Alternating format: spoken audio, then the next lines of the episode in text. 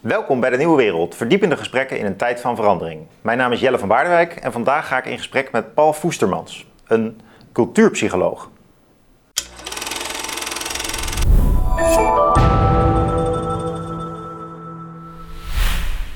Zeg ik goed hè, dat jij cultuurpsycholoog Zeker, bent? dat zeg je goed.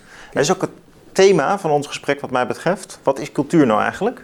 Ik vind zelf... Oeh, kijk, eh, Ja, vertel me... cultuurpsycholoog, dat is iemand die, eh, tenminste zo zie ik het, die psychologie, dat is een mooi vak, al bijna 150 jaar oud is, gebruikt om cultuur te ontleden en om te begrijpen waarom mensen tot patronen in gedrag komen die vaak worden genoemd cultuurpatroon of kenmerkend voor een bepaalde cultuur. Ja, ja. ja. Oké, nou dat, dat doen antropologen ook, zeggen ze dan, en sociologen willen dat wel doen, en die hebben dan de Ja. neiging om cultuur voorop te zetten ja. en daar gedragingen uit af te leiden. Hm. Daar heb ik, samen met Theo Verheggen, die dat boek mee heeft gemaakt, hebben wij ook in ons, in ons vak hebben we daarmee Ja. afgerekend. En we zeggen, je moet psychologie gebruiken om te snappen waarom mensen zich aan dit soort patronen houden. ja. En ook, Wat ze zijn veel lokaler Ja. dan je denkt. Ze zijn Ja. niet zo over totale grote groepen Ja. hetzelfde. Want als je, Maar ik heb, ik heb jullie boek gelezen, Culture as Embodiment. Er zitten verschillende overzichtstukken in. Trouwens ook heel fijn om een keer een overzicht te lezen over wat voor duidingen je van cultuur hebt. ja, En ehm, kun je nog eens vertellen van wat, wat is nu de basisbetekenis van cultuur en hoe jij die psychologische component daarin integreert? Maar niet alleen die, ook de biologische. Nou weet ik dat ze in elkaars verlengde liggen. ja, ja. De neurowetenschappelijke Nou ja, en de psychologische. Kijk, maar, wat, je nu, wat je nu aansnijdt, dat is een, laat ik zo zeggen, dat is een probleem geweest eerder dan dat. Kijk, als je mij vraagt wat is cultuur, dan zeg ik nou eigenlijk zou ik het willen afschaffen. Ik zou willen dat, ja, je kunt natuurlijk cultuur niet afschaffen, want we hebben kunsten en wetenschappen en we hebben culturele Ja. eh, praktijken van mensen en we hebben allerlei dingen die kenmerkend zijn voor een bepaald volk en een bepaalde groep. Prima, mag je, geen probleem.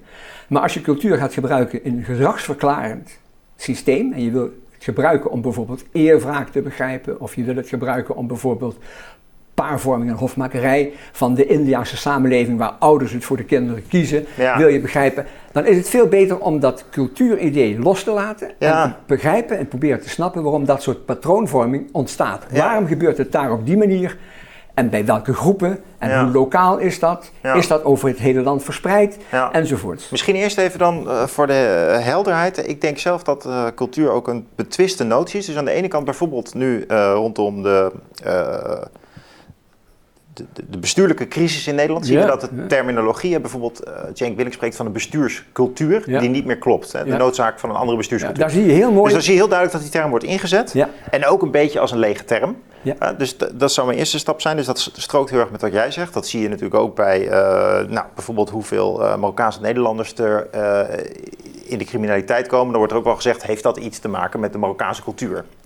Dus dan zeg jij eigenlijk, als ik je goed begrijp, dat Niet is doen. een te snelle kaart. Niet doen. Niet doen. Die cultuurkaart moet je Aan de trekken. andere kant zijn er natuurlijk ook uh, genoeg redenen om bepaalde collectieve patronen, jij noemt patronen, je zou kunnen zeggen dynamieken, Ja. uh, te signaleren. En die echt wel boven psychologisch zijn. Waarbij je ook het idee hebt, ja, wat heeft het nou precies met psychologie te maken? Het is veel meer uh, de manier waarop mensen gewend zijn, gevormd zijn om Ja. met elkaar Ja. uh, een bepaald spel te spelen, hun kinderen op een bepaalde manier op te voeden, Ja. uh, uh, in, inclusief misschien uithuwelijken. En dat is dan, ja, dat is dan toch ook wel cultuur. Hè? Dus Ja. je kunt. Ja, dat mag je best zeggen, dat is geen probleem. Dus als beschrijvende term mag je het best Maar gebruiken. verklaren mag het niet voor jou. Nee, maar leg eerst nog even uit, hoe, hoe zou Nou, jij eh, die, eh, die notie sterk willen aankleven? Dan gaan we zo meteen terug geef, naar de nou geef, geef een eenvoudig voorbeeld. Een, een tango dansen. Ja. Verklaart de tango hoe er gedanst wordt. Ja, zegt iedereen, dat is toch heel aparte muziek. Ja, maar je moet het heel goed oefenen.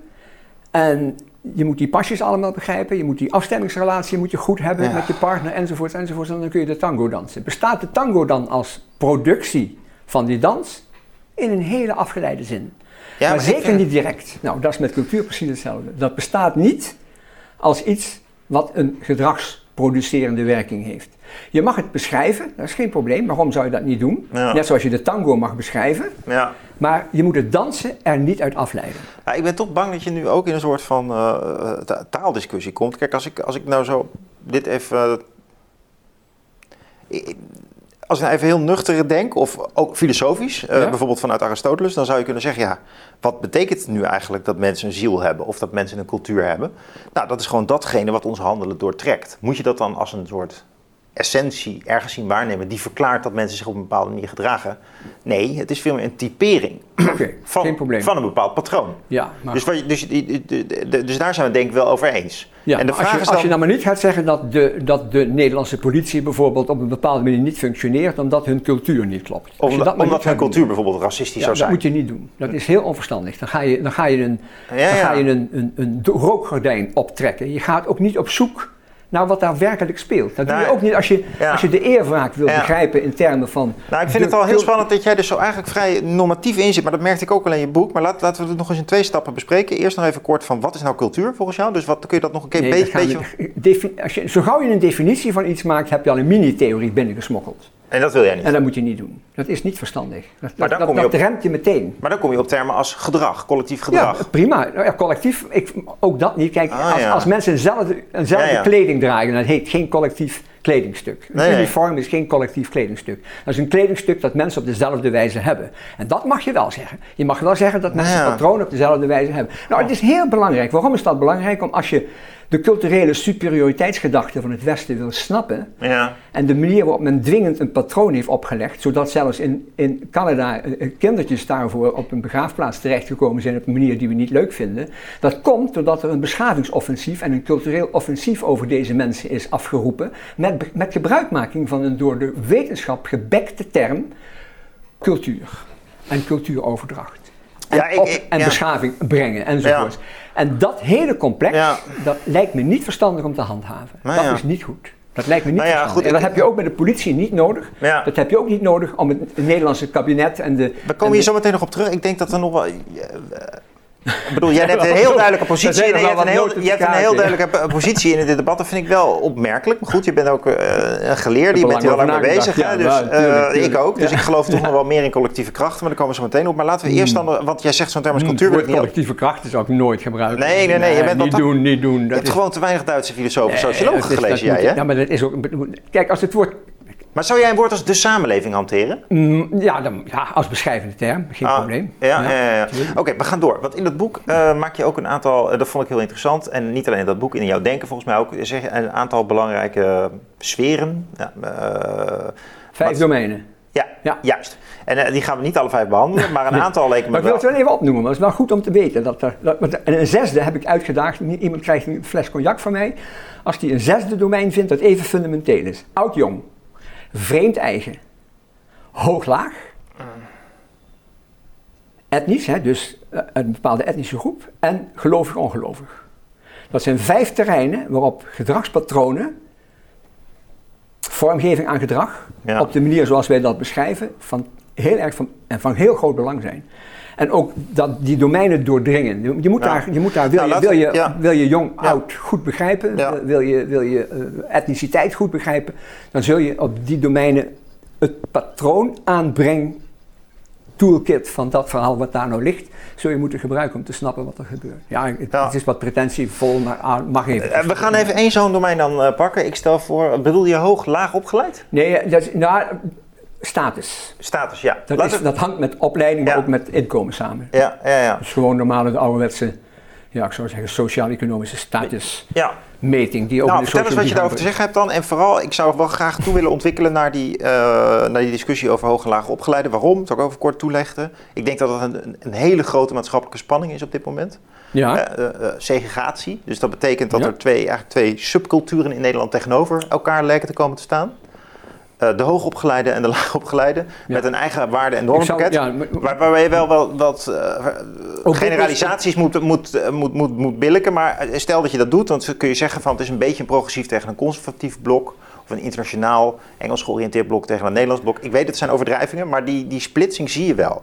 Dus maar misschien kunnen we daarop uitkomen en eerst nog even beginnen over wat, wat is dan, hoe, hoe is status, status dan ge- georganiseerd vanuit jouw denk, denken? Nou, het, het organiseert de leefwijze en de leefomstandigheden van mensen. Die zijn, die zijn door statuspatronen of door statusaspecten van inkomen en van, en van opleiding op een hele belangrijke mate wordt daardoor, raken daardoor mensen gediversificeerd in bepaalde lagen. ja, kun je een voorbeeld noemen? en laat ik het meteen ook zeggen, om dat embodiment of die belichaming te pakken, als je in een bepaalde lagere statusgroep bent opgevoed en, en opgegroeid, krijg je ook een bepaald expressief lichaam. En dat lichaam is anders van een, uh, van een chirurg en van een, en van een metselaar en van iemand die een vrachtwagenchauffeur is en iemand die een onderwijzer is. Dat is terug te vinden. Nou, die patroonvorming die vind je terug in de manier waarop de huizen zijn ingericht, de manier waarop de maaltijden worden bereid, de wijze waarop men patronen aanbrengt, televisie kijkt, smaak ontwikkelt enzovoort. Bekende dingen die ook door de socioloog Pierre Bourdieu naar voren zijn gehaald en die nog volgens mij even de betere sociologieën heeft gemaakt van klassenverschillen en reproductie van klassenverschillen in de samenleving, omdat hij een categorie pakt die voor sociologen, ik zou bijna zeggen, net op het randje is. Kijk, psyche en de geest mag van sociologen niet, want dan, dan krijg je verwarring met de psychologie en dat is iets wat ze heel erg vervelend vinden sinds door. Ja. Nou, maar het, lichaam mag... daarbij, het lichaam daarbij pakken dan. Ja, nou ik vind dat trouwens heel mooi dat je dat doet hoor. Uh, dus dat, dat, mag, dat mag duidelijk zijn. Ik vind het ook heel uh, dus herkenbaar wat je zegt. Dat, dat, dat mensen die in een bepaald, bepaalde manier leven, dat gaat ook in hun lichaam zitten. Zeker. Dat zijn praktijken. je, je, gebruikt even de term klasse. Uh, dat is natuurlijk ook een marxistische notie. ik weet niet of je hem nou op die manier hanteert, maar wat, wat is voor jou het verschil tussen de notie van klasse en cultuur? Waarom, waarom spreek je wel van klasse? Wat, wat, wat is dat, een klasse? Nou, omdat dat is ook een beetje uit handigheid. Kijk, hetzelfde met cultuur. Je mag cultuur gebruiken om iets te beschrijven, dat is geen probleem. Maar een klasse mag je ook gebruiken om hoog en laag te diversificeren. Ja. En als je klasse gaat gebruiken, dan moet je per land kijken. Kijk, in Engeland is dat heel sterk gespecificeerd. In Frankrijk is het onvoorstelbaar gediversificeerd. Daar kun je verschillende lagen in onderscheiden die allemaal met... Daarom is Bourdieu ook zo, zo keen geweest op dat lichaam. Omdat hij weet dat het in de lagere regionen... lager is een raar woord, dat mag jij niet gebruiken. Maar in ieder geval in de regionen waar men minder verdient... en minder inkomen heeft minder cultureel kapitaal heeft... is het goed te zien wat die mensen karakteriseert. Platteland enzovoort. En in de hogere ook. Maar ertussenin als je uit een artistiek milieu komt, of je komt uit een, uit een rechtersmilieu, of je komt uit een doktersmilieu, daar zitten grote verschillen tussen. En het, het, is nog maar de vraag of je zomaar van de ene groep naar de andere kunt overswitchen. En dat is in Engeland ook problematisch. In, Nederland iets minder, omdat wij zo'n, ja, ik zou zeggen, toch een beetje het gevoel hebben dat dat eigenlijk niet mag. Ja. Maar Hofmakerij is nog altijd iets wat je doet binnen 25, hè, binnen een bereik van 25 kilometer in je eigen groep. En het is hartstikke moeilijk om zomaar een meisje of zomaar een jongen te trouwen die uit de andere regionen van de samenleving komt. En als je nagaat, is dat nog steeds zo. Nou, Dat soort klassen bedoel ik. Daar, Zitten, daar zitten. Dus het is gekoppeld aan praktijk. Ik, ik, vond het. Eh, snap je? Anders, dan, anders heeft het geen zin om het te doen. Ik snap het zeker, maar ik vraag het ook om in gesprek te komen. hè? Dus uh, het is niet dat ik niet snap, maar kijk, er hangt ook een uh, bepaalde smaak aan zo'n term als klasse. Daarom, zeker, daarom wil ik, maar die, die, die afslag neem jij niet. Wat ik wel uh, leuk vond aan wat jij net zei, of leuk, dat is niet het woord, maar wat me opvalt is dat jij liever niet over het verschil tussen hoog en laag spreekt. Terwijl ze dus in, uh, nou. je zou kunnen zeggen, nou ik snap wel waarom, wat je aarzeling is, hè? maar ja. uh, is het niet ook, is hiërarchie of een statusdistributie, is die niet toch eigenlijk altijd hiërarchisch. En vinden we het gewoon niet in een hedendaagse samenleving ontzettend lastig, nou, omdat die zogenaamd horizontaal zou zijn. Terwijl eigenlijk de facto is dat, nee, dan zie je dus ook niet meer die... Nee eens, het is niet horizontaal, absoluut niet. Er zitten scheidslijnen tussen. Maar kijk, als je het woord ja, diversificeren, dat mag en verschillen mag ook, maar als je het één. Kijk, we zijn ook af van het woord lagere school en we zeggen basisschool. Ja.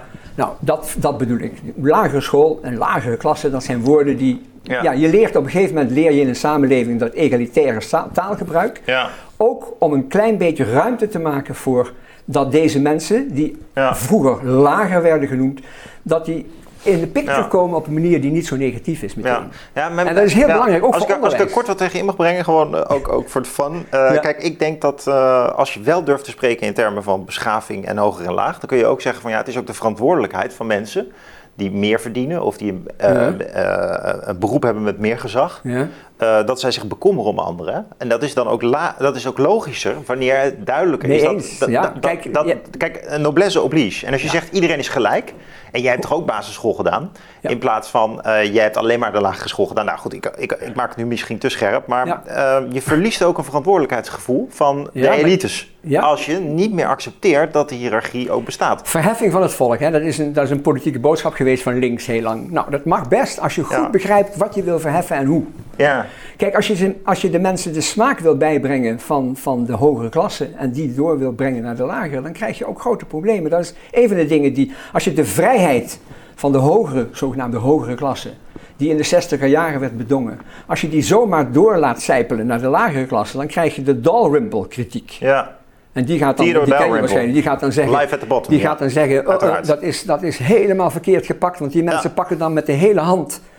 Hè, jij geeft Ja. ze één vinger Ja. die jij weet te beheersen. Ja. Nou, dat is natuurlijk een hele negatieve benadering van die mensen, maar er zit wel een zekere waarheid in. Want dat gebeurt natuurlijk. Nou, wat Niet overal. Dalrymple, wat Dalrymple denk ik heel goed schetst, is dat in die eh, onderklasse, eh, in Engeland is dat ook meer dan in Nederland, Mag je wel hè, die, zeggen, die, die, arbeidersmilieus, waar mensen dus eigenlijk niet meer gewoon eh, ge- getrouwd blijven, hun kinderen opvoeden, Eh, aanwezige vader, Maar het is een heel structuur thuis, thema, dat, dat soort dingen beschrijft hij, maar wel dus op een sandwich manier, want hij zegt ook, ja, de elite heeft hen ook het verkeerde verhaal aangepraat. Van, Echo. je moet gewoon Ja? zo leven zoals je zelf wil, ga vooral Ja? consumeren als je dat wil. Dus die verantwoordelijkheid, eh, eh, die, ligt niet alleen, die ligt nu juist bij die mensen zelf. Ja. Nou, wij Dalrymple nou eigenlijk suggereert van in de, in de meer klassieke eh, class society zou dat minder geweest zijn. Nou is dat wat nostalgisch, hè, zoals ik hem nu samenvat.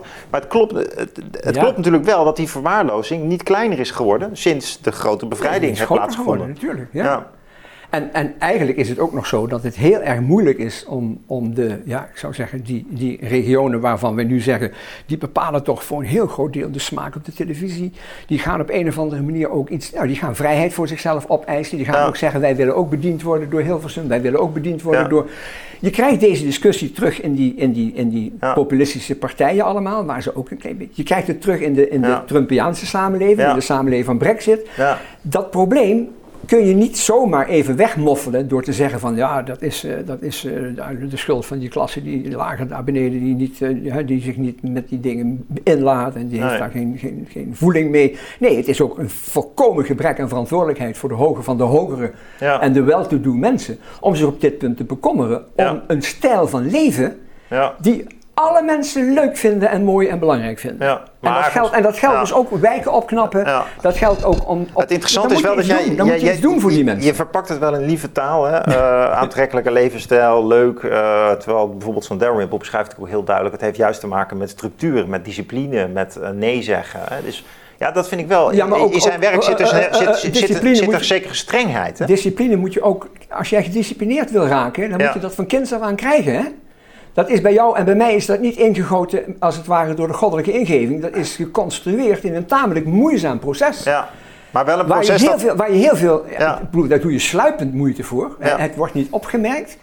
En de investering van je ouders Ja, die en zijn van wel... je buur is enorm. Ja, nee, dus als die investering ontbreekt Ja. en als daar geen aan, en als daar ook geen ruimte in het Ja. onderwijs. Dus als je in het onderwijs dit niet doet en je geeft die ruimte niet, bijvoorbeeld je compenseert als je de industrie weghaalt in, in een arbeidersmilieus en je haalt er alles weg in de mijnen in Limburg Ja. en je zet er niks voor in de plaats je laat die mensen daar zitten, krijg je heerlen. Dat is nogal wiedes.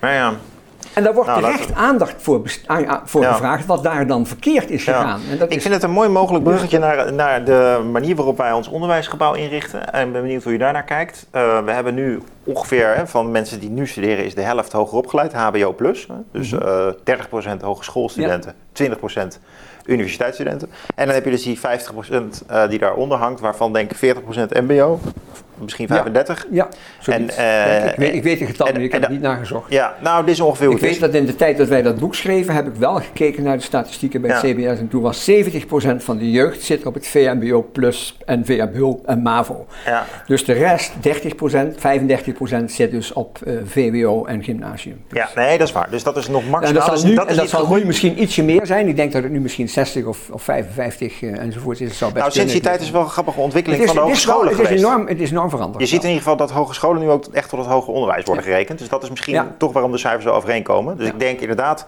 eh, misschien 20% eh universiteitsstudenten of Ja. 25%, nou ja, zoiets. En nog wel meer eh, op de hogeschool. Hè? Dus dan heb je het echt over 30%. Maar als je dus de- anyway, dus die, die, dat conflict, hè? Ik, ik, Ja. ik leg het al eerder even op, op tafel, van hoe kijken wij in onze kenniseconomie nou naar, die, naar de manier waarop die onderwijslagen voorbereiden op een bepaald beroepstraject Ja. en op een levensstijl. Ja, nou, we hebben bijvoorbeeld één ding hebben wij gedaan. Dat is, de ambachtschool heette dat vroeger afgeschaft. Daar hebben we een, toch een, een, een opleidingsvariant voor bedacht, waar toch, ja, ik zou zeggen, talige praktijken veel belangrijker bleken en waar men toch veel meer nadruk op legde. En dat heeft geleid tot een soort inflatie van het ambacht en ambachtelijkheid en ook van de manier om daar achting en respect en waardering en waardigheid voor te organiseren. Nou, dat organiseren van waardigheid voor deze beroepen is een kwestie van iets wat je echt artificieel in een samenleving moet doen met behulp van onderwijsstructurering, goed onderwijs geven, ook aan die zogenaamde lagere groeperingen.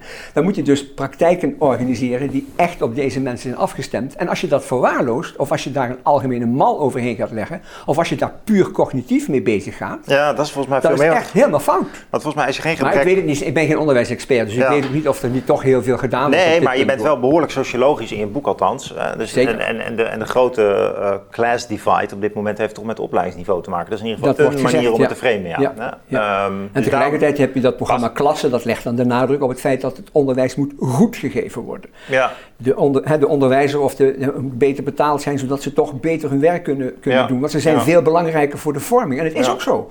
En als wij expressielessen op scholen afschaffen en we, en we lichamelijke opvoeding gaan we in een, in, een, in een soort, ja, een beetje als een ondergeschoven kindje behandelen, dan krijg je geen sportieve mensen. Dan krijg je geen mensen die levensstijlen kunnen onderscheiden en daar op een of andere manier mee kunnen, mee kunnen omgaan. Want dat moet je oefenen. Ja. Dat oefenden ze vroeger in de, in de concrete zuilen, waar, omdat we allemaal katholiek waren, was ook het katholieke bakker. en Ja, jullie in Nijmegen, jullie in Ja, Nijmegen. nee, in Roermond ben ik oorspronkelijk vandaan. Daar was dat nog echt. In Nijmegen is het nog een beetje minder, maar in, in, in Roermond Oh ja. was het echt zo. Ja. En daar, daar konden die lagen wel een klein beetje met elkaar. Maar als je echt aan de onderkant zat, en dat weet ik uit de tijd dat ik jong was, Ja. dan zat je echt aan de onderkant. Ja. En dan, en dan, was, je, dan even- was je met bankpersoneel en dan was je met, eh, met de dokter en zo. Dan deed je onderdanig je pet afnemen en je bleef daar geduldig staan.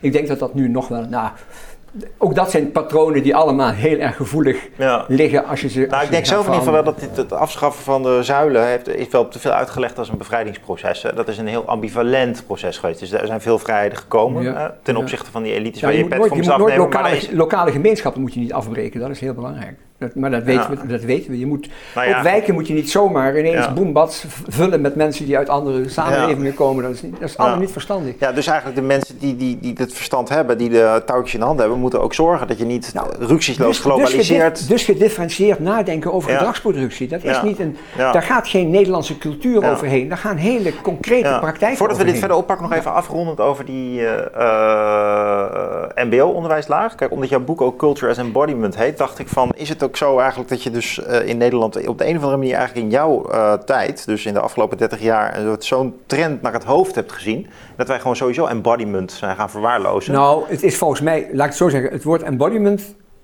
Jij bedoelt op een andere manier, begrijp ik wel. Nee, nee, maar nee, lich- nee, lichaam, eh, dus, dus, Ja, dus echt lichamelijke beroepsuitoefening. Nee, en, maar ook het lichaam zelf als betekenisproducent, laat ik het zo zeggen, is, is een vondst van, ja, van samenwerking tussen filosofie, cognitiefilosofie en cognitiepsychologie.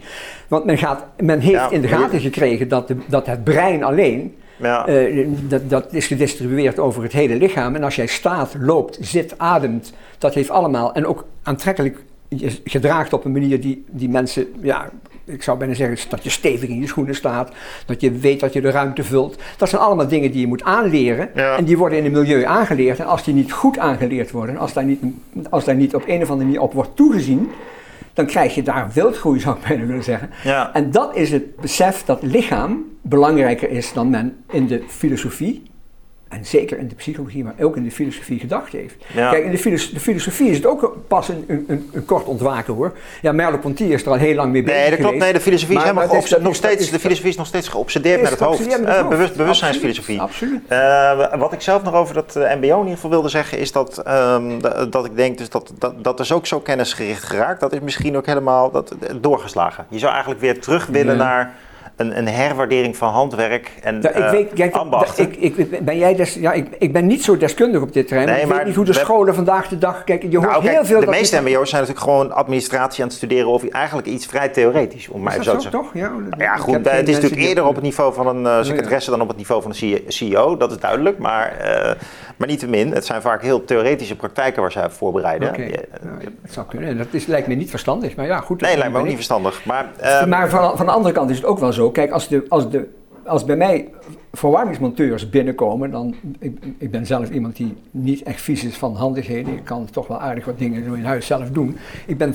maatloos gefascineerd door de vaardigheden van deze mensen. Maar dat is gewoon omdat ik dat leuk vind. Ja, ja. En ik vind eigenlijk dat dat in de maatschappij wel breder mag worden gedragen. Dat als je een ambacht hebt, je auto in de garage keurig voor elkaar krijgt en, en, en allerlei mooie dingen in huis weet, hè, dat men dat weet te organiseren, dan lijkt me dat heel verstandig dat je daar ook goed en, en, en, en evenwichtig over oordeelt in termen van waardigheid. Ja. En van belang. Ja. En van betalen ook. Nou, nou ja, dat, is ja, dat, dat, dat, dat wordt nou in corona ook duidelijk, dat we, die, dat we die mensen in het onderwijs, maar ook in de zorg. Ja, dat is de publieke sector. Terwijl je ziet juist, schilders en eh, bouwvakkers verdienen eigenlijk heel goed. Ja, die en dat is ook, goed.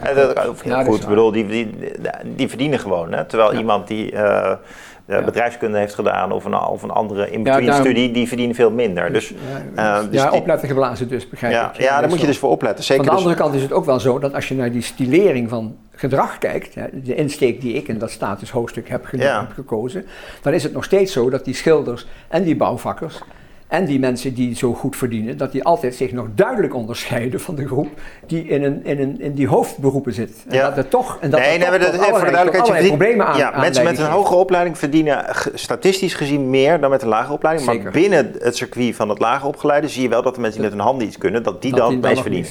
Ja, ja, maar het is natuurlijk duidelijk als je advocaat bent of zo, de waardigheid zo distribueren dat dat voor iedereen Ja, de een waardigheid, ja, ja, ja. dat is toch wel, Wat dat doe je dat? een Hoe Kun je dan aan de stuurknuppel zitten? Waarschijnlijk door, het, door in het onderwijs niet zo verschrikkelijk ingewikkeld als we nu doen te differentiëren, maar is het toch iets meer bij elkaar. Maar ja, dat zegt ook iedereen. Hè. Dat is, kijk, er zijn heel veel discussies nu in de krant ook weer, naar aanleiding van die klasse eh, eh, eh, televisieserie, van moet je weer zo naar zo'n brede middenschool, ja, Ja. of nee, enzovoort. Nou, ik zou zeggen, als je gaat kijken met de ogen die ik gebruik in dat, in dat klassenhoofdstuk, dan moet je mensen echt aan elkaar laten snuffelen. Dat Ja, is erg belangrijk. Gewoon dicht bij elkaar dingen samen doen. Ja, ja, ja, ja. En dan mag je best in de school differentiëren. Dat is geen probleem. Het is geen probleem om een hogere klas en een, en een klas te hebben die alleen maar ambachtelijk is. Dat is geen probleem. Als de ambachtelijkheid en de hogere geplaatste, bij wijze van spreken, de ja, ja, bij een- elkaar zitten. Ja. En als die in, in een kantine delen, en als die een schoolgebouw delen, en als die een organisatie delen.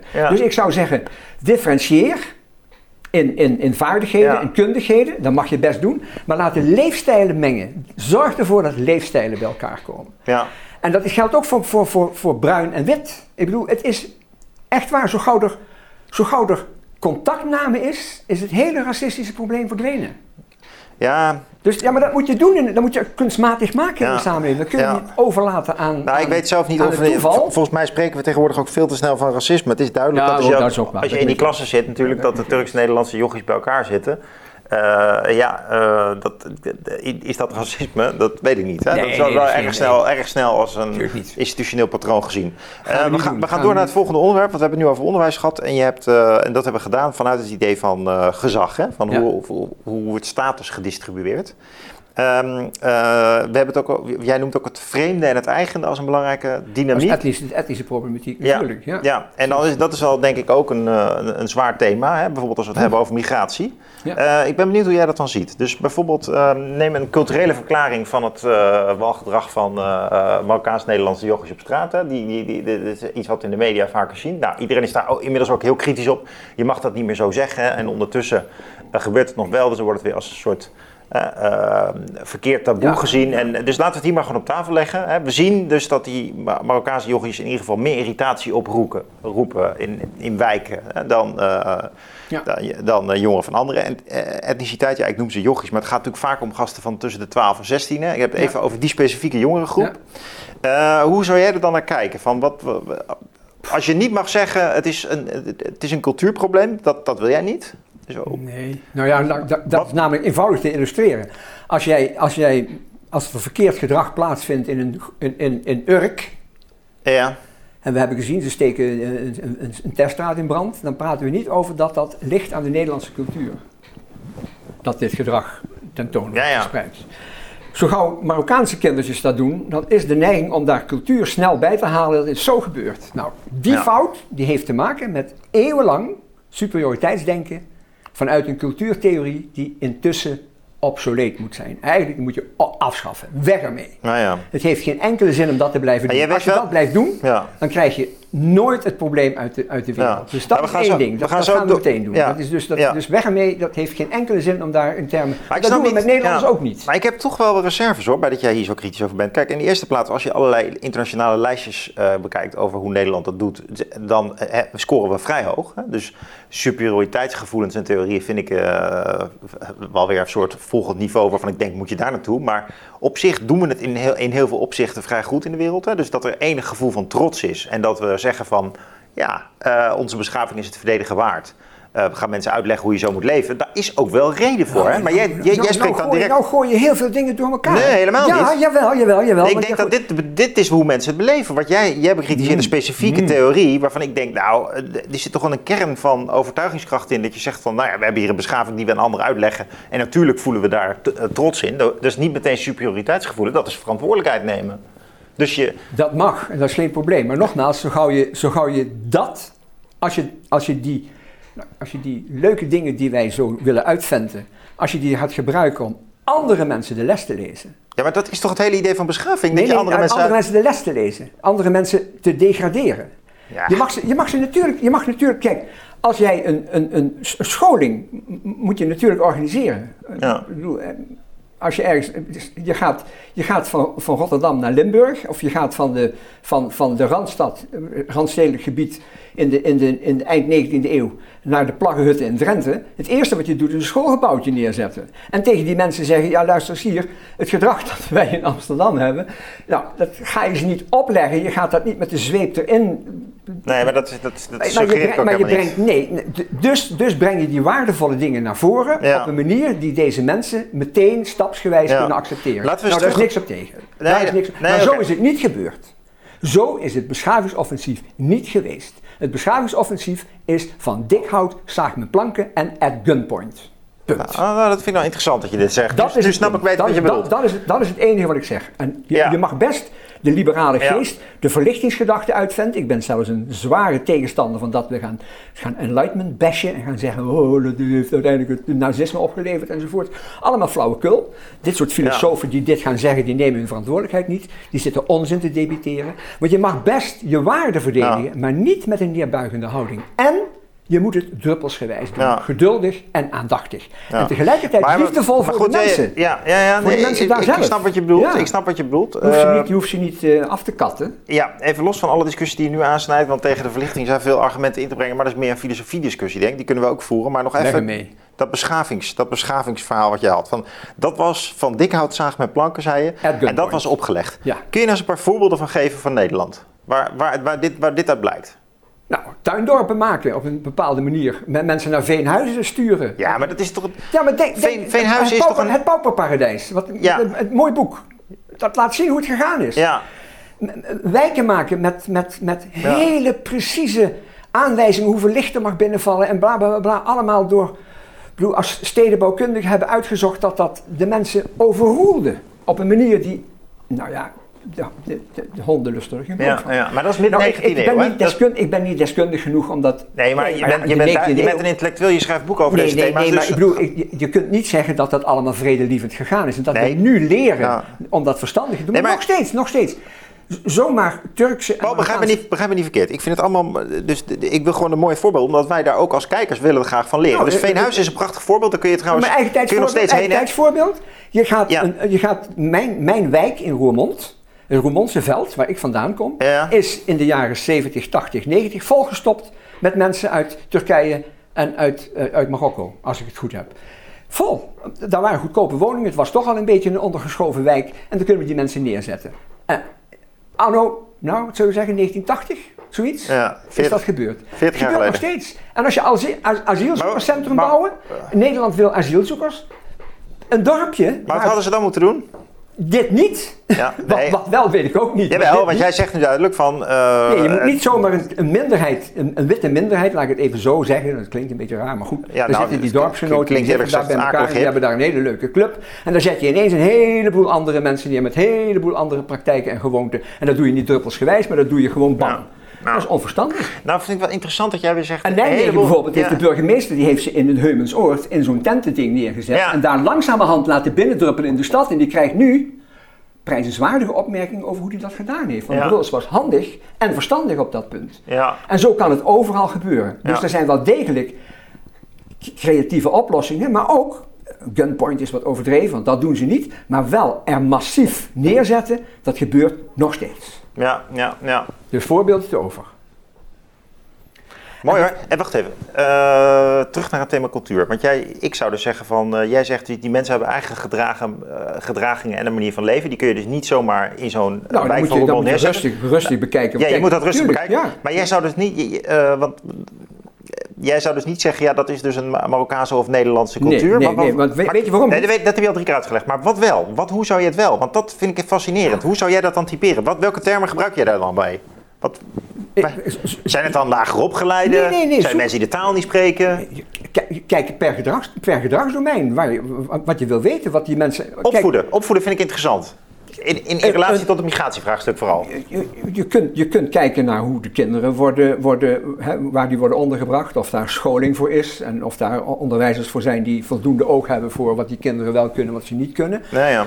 Lokale, ik zeg altijd, je moet lokale praktijken eerst goed inventariseren. Dat kun je snel doen, want heb je, daar, daar hoef je maar een paar gesprekken voor te voeren. Dat moet trouwens ook gebeuren hè, door community building mensen.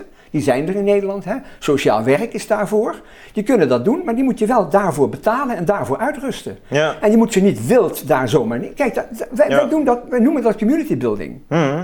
Dat is een vak apart. Daar, ga je, daar ga je voor naar sociale academie, heette dat Ja, vroeger. Of nu ja. naar, naar een hand. Of En dat een- hebben we dus bij die, in die meer recente mig- migratiegeschiedenis en niet goed laten we, dat, laten we dat verwaarlozen we dat, hebben we daar geen aandacht Ja. En bovendien, we hebben veel te weinig mensen die gevoelig genoeg zijn om die praktijken in kaart te brengen, te preciseren en te verduidelijken. Ja, ja, ja. En, dan gaan ze, en als je daar massief de Marokkaanse of de Turkse cultuur overheen schuift, ja, dan, zit je, dan zit je gewoon mist te creëren. Dan zit je vage dingen te doen. In plaats van concreet naar de praktijken van die mensen te kijken. En op zich kun je er ook nog van leren. Want ja, je weet dat iedereen vindt die gastvrijheid van die mensen leuk. En iedereen vindt de hartelijkheid van die mensen leuk. Waarom? Omdat ze uit een dorp komen waarschijnlijk. Omdat ze iets meer gewend zijn. Ik bedoel, wij vinden, wij vinden hè, bepaalde dorpse mensen vinden we ook leuker dan stadse mensen. Omdat ze met elkaar zijn. Ja, we gaan we niet van zeggen dat de Nederlandse cultuur twee culturen kent. Namelijk een en een stadse. Nee, we gaan kijken naar concrete omgeving. En dan zeggen we, ja, jee, dat gezellige Brabantse gedoe. Dat vinden we toch leuker dan dat steile Groningse gedoe.